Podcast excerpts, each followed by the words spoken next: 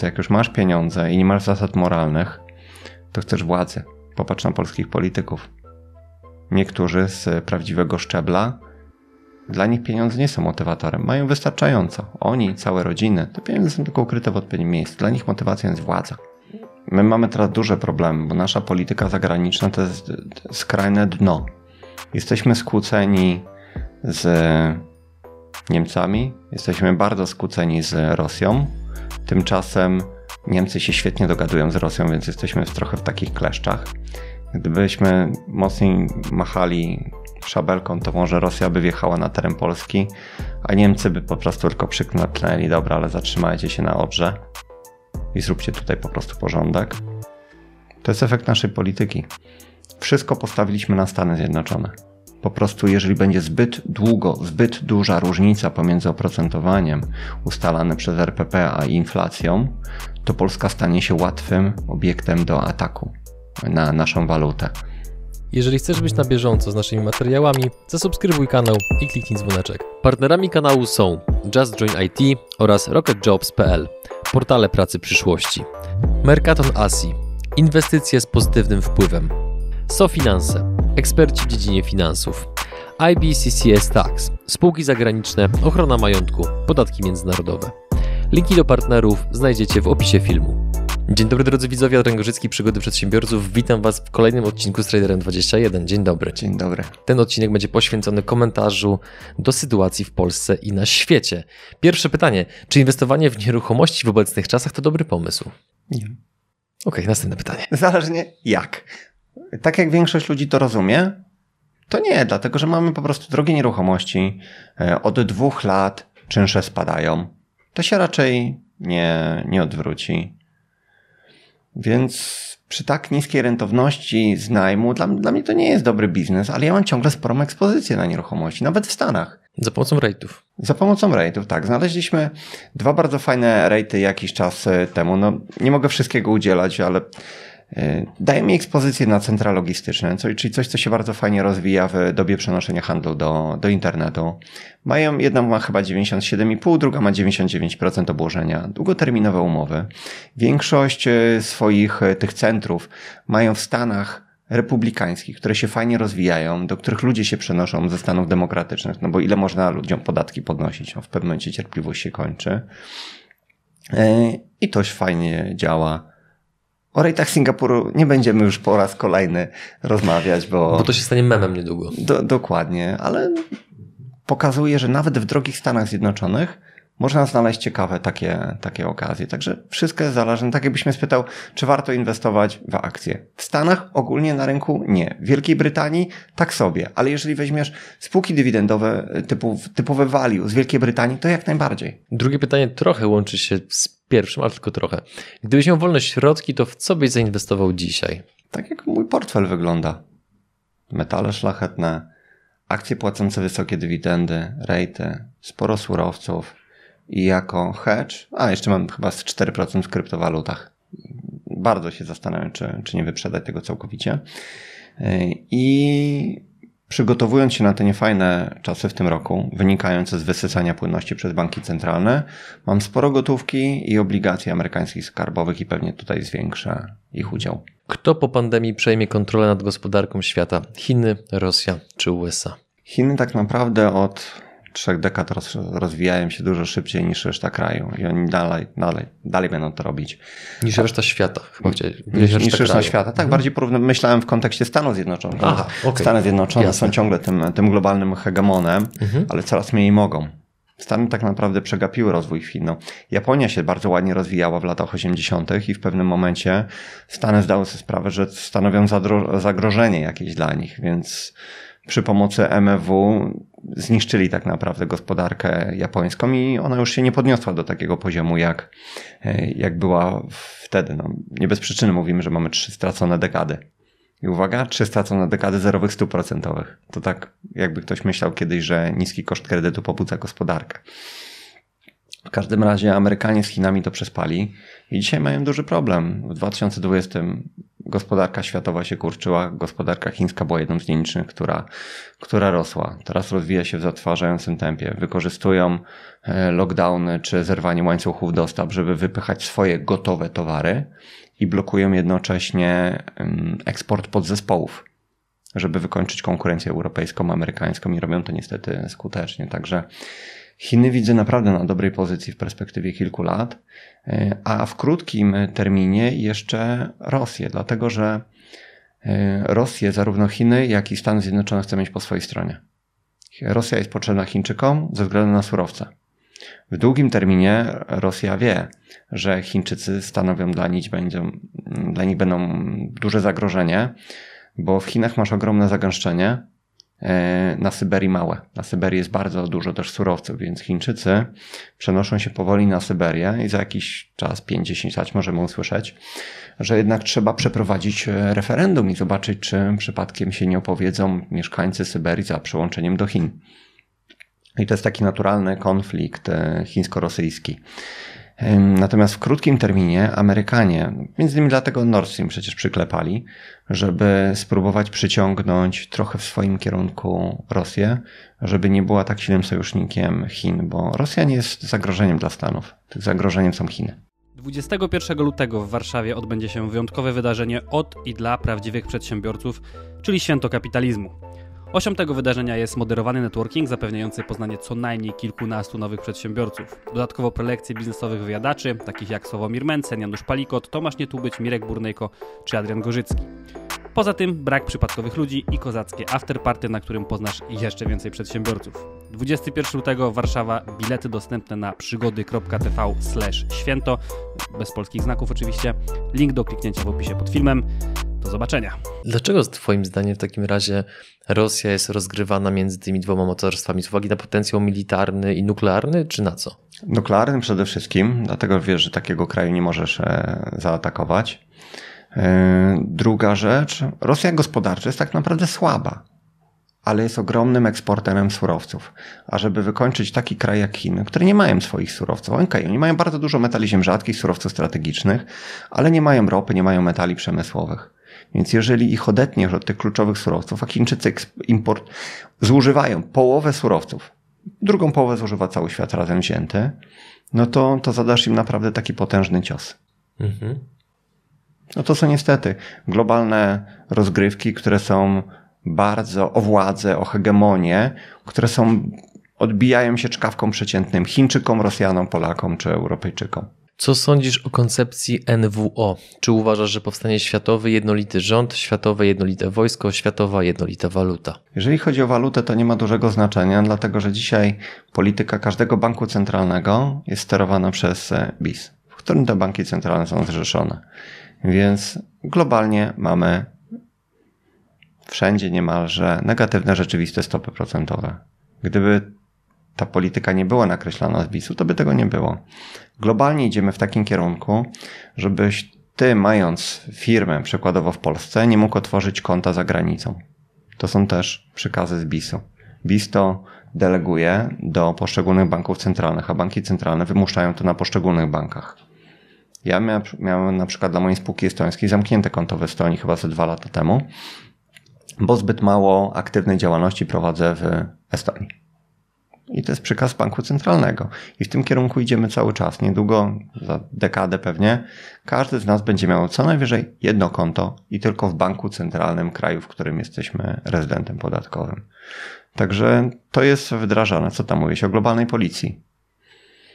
Jeszcze nie teraz. Do tego potrzeba jest niestety dużego konfliktu, bo trzeba ludzi e, wystraszyć, bez użycia broni atomowej, ale z groźbą jej użycia. Pewnie usłyszymy o kolejnych rodzajach broni, o których nie słyszeliśmy wcześniej. W trakcie I wojny światowej przecież użyli po raz pierwszy broni chemicznej, której nikt nie używał. W trakcie II wojny światowej e, użyto e, bomby atomowej dwukrotnie, o której też nikt wcześniej nie słyszał. Więc teraz pewnie ktoś użyje broni, o której wcześniej nie słyszeliśmy. E, niekoniecznie niszczącej e, środowisko, ale organizm ludzki pewnie, pewnie jednak tak. Jeżeli już tam gospodarka zostanie odpowiednio zniszczona, ci, którzy wygrają, ustalą odpowiednie relacje pod kolejny system, no to być może wtedy zostanie wprowadzony jakiś taki globalny porządek, w którym będziemy też mieli globalną policję. To samo pytanie zadałem Filowi, a ja usłyszałem od kogoś innego, żeby tutaj być e, fair i uczciwym. Dlaczego światowe rządy zamiast łączyć siły w kontekście na przykład eksploracji kosmosu, to dążą do tego, żeby po prostu zawładnąć tymi kilkoma miliardami ludzi. Jesteśmy zdaniem. takim gatunkiem. Pierwsze, czego chcesz, to są pieniądze, jak jesteś nieudacznikiem. Chcesz mieć pieniądze. Jak już masz pieniądze i nie masz zasad moralnych, to chcesz władzy. Popatrz na polskich polityków. Niektórzy z prawdziwego szczebla, dla nich pieniądze nie są motywatorem. Mają wystarczająco. Oni, całe rodziny, te pieniądze są tylko ukryte w odpowiednim miejscu. Dla nich motywacją jest władza. I chcesz tej władzy. Nawet na najwyższym szczeblu toczą się rozgrywki o władzę. Przecież kiedyś Timothy Geithner zaaranżował całą szopkę, żeby Dominika Strauss-Kahna się pozbyć. Bo chodziło o władzę w systemie monetarnym, w MFW, w Europejskim Banku Centralnym, więc jest ciągła, nieustanna walka o władzę. To są socjopaci uzależnieni od władzy. Oni nie chcą się rozwijać, oni chcą kontrolować. Druga rzecz. Jeden z moich pracowników kiedyś w bardzo dawnych czasach pracował jako opiekun na koloniach i to był bardzo, bardzo drogi obóz. On dostał trzy razy tyle kasy co normalnie, ale był po prostu dobry. I tam były dzieciaki bankierów centralnych. To jest, to jest inna kasta. Oni cię nie traktują jak człowieka, tylko jak służącego. Ich chroni człowiek ze służb specjalnych z długą bronią, z karabinem szturmowym, bo są tak ważni. Jeżeli masz dzieciaki wychowane e, w, w taki sposób, które później stają się politykami z odpowiedniego mianowania, to oni nie patrzą na nas jako na ludzi, z którymi się wychowali. Jesteśmy my i oni. To jest ten plebs, którym my musimy zarządzać. Tego plebsu jest za dużo. Trzeba go zredukować w jakiś e, czy inny sposób. Przecież o redukcji populacji z rok temu, jak ona miała, chyba Gutierrez na forum ONZ stwierdziła, że musimy szybko coś zrobić, żeby zredukować populację, bo Ziemia już więcej tego nie wytrzyma. Podczas gdy kiedyś Rosjanie opublikowali taki raport, że gdybyśmy wszyscy globalnie udostępnili całą technologię, którą mamy, a która jest skrywana pod e, płaszczykiem ochrony bezpieczeństwa narodowego, 60 chyba 2% wszystkich patentów na Stany przypadało sporo na Izrael, a to rzeczywiście Rosja tam, to Ziemia bez problemu, bez e, negatywnego oddziaływania mogłaby utrzymać populację 33 miliardów ludzi. Ilu? 33 miliardów. Wiele, wiele lat temu czytałem ten raport. Znaczy, no biorąc pod uwagę, ile terenów jest zasiedlonych, czyli procentowo stosunkowo niewiele względem całego globu, no to. Głupi przykład. Mhm. Powtórzę go. Phil go fajnie, że przytoczył. Gdyby Turcja, Stany, Chiny i Rosja wstrzymały wydatki na zbrojeniach, to chyba u ciebie było tak. na dwa tygodnie, to moglibyśmy zrobić gigantyczną produkcję e, owoców i warzyw na Saharze. Dwa tygodnie. Tylko ludzie tego nie chcą. Idąc dalej w takim razie, jak byś skomentował działania Rosji względem Ukrainy? Chodzi o podprowadzenie wojsk pod granicę i całą tą sytuację. Prężenie mózgów, pokazanie, gdzie jest miejsce Ukrainy. Ukraina zostanie wchłonięta pewnie, jeżeli chodzi o strefy wpływów przez Rosję. W 2013-2014 roku jeszcze zastanawiano się, czy, e, czy Ukraina zostanie włączona do, kiedyś do Unii Europejskiej, być może do NATO. Dzisiaj wiemy, że już nie będzie. Biden po tym, jak klepnął Nord Stream 2 stwierdził, że to może inaczej. Nie będę przytaczał całej rozmowy, ale kontekst był taki, że teraz Rosja nie może. My to zaklepniemy Nord Stream, ale nie możecie nic zrobić z Ukrainą w ciągu najbliższych, najbliższym czasie. Czyli pewnie odczekają kilka miesięcy i później wrócą do, do tej szachownicy globalnej. Ale my na to patrzymy mm, tak trochę z perspektywy Polski, która boi się Rosji, która jest mocarstwem nuklearnym i tak dalej, ale nie postawiliśmy się nigdy w perspektywie Rosji. A powinniśmy to zrobić, żeby zrozumieć. Czy wyobrażasz sobie, że Rosja czy Chińczycy na Kubie umieszczą swoje pociski nuklearne? No nie. Zbyt blisko USA. Stany nie pozwolą nigdy na to. Przecież kiedyś stanęliśmy na krawędzi III wojny światowej. Kryzys cały kubański był, był o to. I tak samo Rosja nie może pozwolić na to, żeby czy to Białoruś, czy, czy Rosja, e, czy, czy Ukraina, przepraszam, e, stała się częścią NATO. Broni po prostu swojej strefy wpływów, czego ofiarami są niestety i Rosjanie, i, i Ukraińcy. Dzięki, że jesteś z nami i oglądasz nasze filmy. Chcielibyśmy przekazać Ci krótką informację. Przygody przedsiębiorców to nie tylko wywiady. Na co dzień zajmujemy się przede wszystkim wideomarketingiem na YouTube. Jeśli chcesz, aby Twoja firma zaczęła generować lidy z platformy, która zrzesza ponad 20 milionów użytkowników w samej Polsce, to wejdź na przygody.tv i sprawdź, jak możesz z naszą pomocą skorzystać z potencjału YouTube'a, zanim zrobi to Twoja konkurencja. Biorąc pod uwagę to, jak interesujesz się, przynajmniej tak to odbieram, e, geopolityką, to czy tak zadam takie może trochę przewrotne pytanie, czy widzisz jakikolwiek cień szansy na przyjazne relacje między Polską a Rosją? Przy tym obozie władzy nie. Być może coś się kiedyś zmieni, natomiast my mamy teraz duże problemy, bo nasza polityka zagraniczna to jest skrajne dno. Jesteśmy skłóceni z Niemcami, jesteśmy bardzo skłóceni z Rosją. Tymczasem Niemcy się świetnie dogadują z Rosją, więc jesteśmy trochę w takich kleszczach. Gdybyśmy mocniej machali szabelką, to może Rosja by wjechała na teren Polski, a Niemcy by po prostu tylko przyknęli, dobra, ale zatrzymajcie się na Odrze i zróbcie tutaj po prostu porządek. To jest efekt naszej polityki. Wszystko postawiliśmy na Stany Zjednoczone. Tak jak już Sikorski kiedyś dokładnie powiedział, co Polacy potrafią Amerykanom robić. I, a to był człowiek, który odpowiedzialny był za realizację właśnie polskiej polityki międzynarodowej. A dzisiaj Stany się na nas wypinają. To jest właśnie efekt stawiania wszystkiego na jednego konia. To chyba nie jest pierwszy raz. 39 rok na Brytyjczyków. Idąc dalej. Dlaczego rząd polski nie rozpoczął jeszcze prac nad CBDC? Rozpoczął. Moim zdaniem rozpoczął. Nie rząd, tylko bank centralny. Tylko Mhm. my jeszcze o tym nie wiemy. E, Prezes GPW, którego oceniam jako jednego z najgorszego prezesów e, GPW, a miałem tą wątpliwą przyjemność z nim kiedyś rozmawiać. E, No, puścił taki artykuł w Business Insiderze, że my musimy iść w tym kierunku, bo to jest przyszłość. Takiego bełkotu na zamówienie jeszcze nigdy nie słyszałem. Nie wiem, czy on jest tak głupi i tego nie rozumie, czy po prostu dostał kasę za promowanie tego. Ale moim zdaniem to było urabianie publiki pod działania NBP-u. Także zdziwiłbym się bardzo, gdyby NBP rzeczywiście nad tym nie pracował. To, że nam mówią, że nie pracują, jeszcze nie znaczy, że nie pracują. Ile razy Glapiński mówił w zeszłym roku, że nie podniosą stóp procentowych? 20, 30? A później raz, dwa, trzy. Nie będzie inflacji. Inflacja jest przejściowa. Inflacja nie ma realnego wpływu na portfele Polaków. To jest mój faworyt. Piękne. Muszę sobie w ramkę to uprawić. Idąc I dalej. ten człowiek mówi, że my się nie Mhm. powinniśmy e, Interesować interesować, tak, bo my się na tym nie znamy. Zostawmy to specjalistom. Wiesz, wiesz, na czym się zastanawiam, jak widzę takie sytuacje? No. Co czują dzieci takiej osoby w kontakcie ze swoimi rówieśnikami, e, którzy obstawiam, że nie puszczają mimo uszu takich rzeczy. Sam byłem nastolatkiem, sam wiem, co robiłem swoim kolegom. Trochę się tego wstydzę z perspektywy czasu, Każdy błędy młodości. robił. I każdy z nas był ofiarą też tego. No, no właśnie. Nie? Takie Więc były czasy. co przeżywają dzieci takich polityków?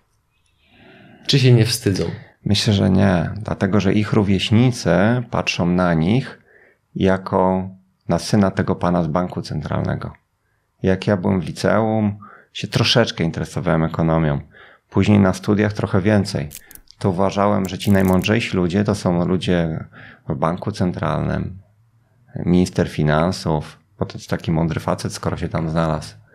E, Ludzie z MFW, z Banku Światowego. Dzisiaj patrzę na to zupełnie inaczej, bo dzisiaj mam in, zupełnie inną wiedzę i potrafię rozczytać wiele rzeczy, których nie potrafiłem wtedy. E, Wiesz co, ja im nie zazdroszczę z innego powodu. Studiowałem z Heniem, nie będę wrzucał nazwiska, jego ojciec był prezesem, e, doradcą Balcerka. Balcerek był w tamtym czasie prezesem NBP-u. On przez to, że startował z tak wysokiej półki, miał przerypane. On, podobnie jak inne dzieci dyplomatów, ludzi mm, z paszportami dyplomatycznymi, mógł robić wszystko. To go zniszczyło jako człowieka. Co masz na myśli mówiąc wszystko? Jakiś przykład może Jesteś nawalony w samolocie, nie mogą ci nic zrobić, obrzygasz stewardesę. Masz 20 lat i mogą ci naskoczyć, bo masz paszport dyplomatyczny. No to to potrafi zrobić pewnie siekę w głowie. I to, co powiedziałem, to jest tylko jeden z nielicznych przypadków. I też pewnie mniej hardkorowych. Jesteś nawalony i skaczesz e, z pierwszego piętra do basenu. ale jesteś zbyt nawalony, żeby zobaczyć, że wypompowali z niego wodę, żeby wyczyścić. Łamiesz rękę. Kto za to odpowiada? Ten, który przy twoim balkonie zamontował zbyt niski próg, bo przecież ty nie mogłeś na balony skoczyć do niego, tylko wypadłeś. To, teraz... to jest inna kasta. Mhm. Więc nie powiedziałbym, że to są szczęśliwe dzieci, bo im ktoś dokucza. Powiedziałbym, że one są ofiarą jakiegoś sukcesu politycznego, może swoich mhm. rodziców. Ciekawa perspektywa. Teraz przejdźmy do tematu, który jest jednym z moich ulubionych, o którym czytam wszystko, co się da. Podobno NASA zatrudniła 24 teologów, by przeanalizować potencjalne reakcje ludzi na ujawnienie informacji o UFO. Czy w związku z tym uważasz, że nie jesteśmy sami w kosmosie? Myślę, że zakładanie, że jesteśmy sami, jest, jest trochę ograniczeniem. No bo skoro my będziemy w stanie eksplorować kosmos pewnie skutecznie za 30-50 lat, za 100 lat może opuścić nasz układ słoneczny, a to tylko 100 lat. Ile lat, ile tysięcy lat my jako gatunek się rozwijamy? To gdyby się okazało, że tylko jeden gatunek na innej planecie rozwinął się raptem tysiąc lat szybciej niż my. Tysiąc lat. To jest niczym w okresie rozwoju ludzkości. A ja tu mówię tylko o 100 latach, za które pewnie my będziemy w stanie eksplorować kosmos. Także czy ktoś tam jest? Może tak, może nie. Czy mieli z nami kontakt? Nie wiem. Zatrudnili teologów, bo być może te kontakty były, a być może mają jakiś wyższy cel. Na przykład pokazanie zagrożenia płynącego z, z kosmosu, z innej rasy, która E, chce nas zniszczyć po to, żebyśmy jako ludzkość się zjednoczyli, żebyśmy zaakceptowali jeden światowy rząd, jedną walutę, jedną religię. Nie wiem. Nie wiem, jakie tu są cele. Trzy teorie spiskowe, które Twoim zdaniem zrealizują się w ciągu trzech najbliższych lat. Masowe procesy za dopuszczenie szczepionek do, do obiegu, za które zapłacimy my jako, jako podatnicy, no bo przecież koncerny są zwolnione z tego. Okaże się, że szczepionki nie dają ci żadnej ochrony i że jednak w niektóre z nich jakimś przypadkiem zupełnie grafen się wkradł. Celem? Rozwalenia twojego układu krwionośnego od środka. Aby? Aby piłkarz, który jest cholernie zdrowym człowiekiem, nagle padał ci na murawie aby człowiek, który ma niesamowitą kondycję, nagle dostawał zadyszki. No. Żeby to była przestroga dla innych. Nie no. Że trzeba się szczepić? Przestroga nie. No chciałeś coś, co być może się okaże. Mhm. Okaże prawdą, no. Nie wchodźmy dalej w ten okay. temat. W końcu ja nie jestem lekarzem. A najlepszy specjalista niemiecki od, od grafenu po prostu zmarł przypadkiem kilkanaście godzin po tym, jak nie wytrzymał i w internecie uruchomił transmisję na żywo, w której opowiadał, czym jest grafen, jak rozrywa od środka naczynia. Mówimy o najlepszym specjaliście niemieckim od grafenu. Po tym, jak mu NSDAP wpadło do biura, rzucili go na glebę jak, jak terrorystę. Jak go wyprowadzili z domu, traktując go jak skrajne zagrożenie dla społeczeństwa. Przypadkiem mu się zmarło. Jak daleko może posunąć się RPP z podnoszeniem stóp procentowych? Wiesz co, to wszystko zależne jest od zaniedbań. Jeżeli zaczną podnosić stopy szybciej teraz, albo co najmniej tak szybko, jak robią to Czechy, Węgry i inne kraje naszego regionu, e, to utrzymamy spokój na walucie. Jeżeli będą dalej tak zaniedbywać kwestie inflacji, to stanie się ten scenariusz, o którym rozmawialiśmy chyba dwa odcinki wcześniej, z atakiem walutowym. Po prostu, jeżeli będzie zbyt długo, zbyt duża różnica pomiędzy oprocentowaniem ustalanym przez RPP a inflacją, to Polska stanie się łatwym obiektem do ataku na naszą walutę. A wtedy, żeby bronić się, kiedy już wyprzedamy wszystkie rezerwy walutowe, zostaną nam tylko i wyłącznie podwyżki stóp procentowych. I wtedy nie wiesz, na jakim poziomie się zatrzymasz. Podnosisz przykładowo z 5 na 15 i patrzysz, co robi rynek, czy inwestorzy wracają dla tych 15% odsetek. Jak nie wystarcza, podnosisz na 22 i patrzysz. Dzwonisz po tych wielkich bankach inwestycyjnych, wróćcie, wróćcie proszę. Macie mega tanią złotówkę, macie 20% odsetek. A oni mówią, no mało. Jakby było 25, to byśmy wrócili. I wtedy podnosisz. I to jest efekt zaniedbań wcześniejszych. Polska na dzień dzisiejszy nie jest łatwym celem ataku. Co więcej, Polska robi wszystko, w zasadzie prawie wszystko, czego domaga się kartel anglosaski. Więc póki co jest dobrze, ale taki atak jest relatywnie łatwo przeprowadzić, tak jak pokazał tego case rosyjski, case turecki. Rosja miała 13% długu, a praktycznie zniszczono ich niższą walutę. Do 20 chyba procent musieli podnieść stopy procentowe, żeby to zahamować. Turcja, jak się zaczął atak, miała 30% długu w relacji do PKB i ma do dzisiaj duże problemy i nie wiem, czy się, czy się z tego wyliże. Może zastąpią lirę jakąś inną walutą, żeby zakończyć wreszcie ten, ten problem. Kolejne pytanie łączy się z tym, co teraz powiedziałeś. Przy scenariuszu, w którym inflacja wynosi 20%, a stopy 10%, nastąpi, nastąpi duży transfer bogactwa. Czy potwierdzasz taką tezę? Czekaj, inflacja 20, a stopy 10? Tak. Tak, na przykład ci, którzy mm, zaciągnęli kredyty o stałym oprocentowaniu, będą się cieszyć i patrzeć, jak się dewaluuje 18, ich procent, 18 czy tam 16% kredytu rocznie. I oni będą beneficjentem tego. E, ci, którzy trzymają pieniądze na obligacjach bądź w lokatach, strasznie oberwą. I transfer kapitału będzie miał miejsce w kierunku na przykład osób, które mają metale szlachetne, które mają e, surowce. To jest naturalna rzecz. Jeżeli dochodzi do kryzysu, jeżeli dochodzi do takich rzeczy, to nie jest tak, że majątek wyparowuje. Część być może tak, ale zawsze są wygrani i przegrani.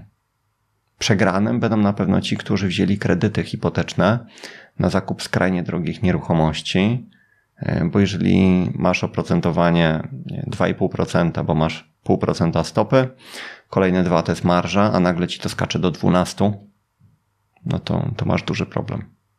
I część z tych osób straci mieszkanie w takim scenariuszu, bo nie będą w stanie już spłacać e, kredytów, rat kredytów, nieważne jak długo by pracowali, drugi, trzeci, czwarty etat. Zasłyszałem ostatnio teorię, iż Chiny prą do zamknięcia rynku i eksportu swoich produktów celem wywołania braków podzespołów na rynkach i podbicia cen. Celem otwarcia się po COVID tylko na kraje grzeczne, które ładnie zrealizowały zamówienia covidowe w Flag of China. Czy to możliwe? Mm, to nie jest teoria, to, to jest praktyka. Rozmawiałem z moimi znajomymi, zresztą mówiłem o tym w jakimś wywiadzie. Bardzo ciężko jest kupić na przykład skuter wodny produkowane w Europie, bo brakuje jakichś tam chipów. Kiedyś były, to jest bardzo taki dobry przykład z kosiarkami. Kiedyś w Hiszpanii mogłeś kupić dwie. Europejską, pewnie produkowaną w Niemczech e, i chińską, odpowiednik prawie identyczna, 30% tańsza. Dzisiaj europejskiej nie możesz kupić, bo Chińczycy zablokowali wysyłanie jakichś podzespołów do tych niemieckich. Pewnie jakiś drobiazg, ale bez tego drobiazgu nie dokończysz, jak nie dokończysz samochodu. E, I ta chińska jest 30% droższa.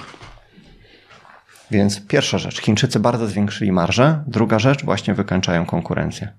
I to nie, nie patrzyłbym w ten sposób, że do tego kraju wyślemy, a do tego nie, tylko ze względu na to, z kim opłaca nam się aktualnie handlować. To jest jakaś forma nacisku. Chińczycy mogą przykładowo porozmawiać z władzami, czy to Volkswagena, czy, czy Toyota, dużych koncernów i powiedzieć: Słuchajcie, wyślemy wam te chipy, które blokują wam produkcję tych, tych samochodów i ruszycie, ale chcemy, żebyście wymusili na waszym rządzie to, to i to. I to jest metoda na przykład na negocjowanie porozumień handlowych. Czyli nie bezpośrednio między krajami, tylko za pomocą koncernów. Mm, tak, dlatego że one mają dużo większą siłę oddziaływania. Kolejne pytanie. Czy obecne jaranie się gangsterami, prostytucją i kryminalistami przez młodzież, a nawet starszych i uważanie tego za coś cool, to upadek społeczeństwa? Czy to typy, na których będzie można zarabiać? To jest ewidentnie upadek moralny społeczeństwa. Swoją drogą to jest jedna rzecz. Druga rzecz straszna to jest to, co chcą robić e, nastolatkowie. W Chinach chcą być astronautami, inżynierami, chcą projektować systemy wielkie oparte o sztuczną inteligencję. Tam jest edukacja na dużo, w dużo wyższym poziomie. W Europie, szczególnie w Stanach, młodzież chce być youtuberami, influencerami. Nie wiem, jak to Jeszcze usłyszałem jedną rzecz. Te trzy rzeczy właśnie, bo youtuber, influencer i trzecia kolej, której nie zrozumiałem. Nie wiem, co to jest. Może TikToker. Bo to się mieści w kategoriach tego drugiego. TikTokera wiedziałbym, mhm. E, zap zapamiętałbym, ale tam tego nie byłem w stanie zrozumieć. Ale to pokazuje właśnie w jaką stronę my idziemy. Czy USA dadzą sobie odebrać miano hegemona i tym samym kończąc erę dolara jako waluty rezerwowej świata? Już praktycznie tak naprawdę dały. Stany Zjednoczone krok po kroku oddają ten, ten pryzmat. Ja pamiętam z 5 lat temu napisałem taki artykuł pokazujący zmiany na globalnej arenie geopolitycznej i odnosiłem się do sytuacji, która miała miejsce 5 lat wcześniej. Czyli Amerykanie coś powiedzieli, Chińczycy głowy w dół. Tak jest, oczywiście. Robimy. W tamtym czasie Chińczycy zaczęli im rzucać pierwsze wyzwania. Utworzyli ten bank, nie pamiętam nazwy, ale który stanowi taką przeciwwagę dla Międzynarodowego Funduszu Walutowego. Później zaczęli przebąkiwać o nowym jedwabnym szlaku, który niszczy przewagę Stanów Zjednoczonych wynikającą z tego, że USA świetnie kontroluje morze, jak mocarstwo morskie.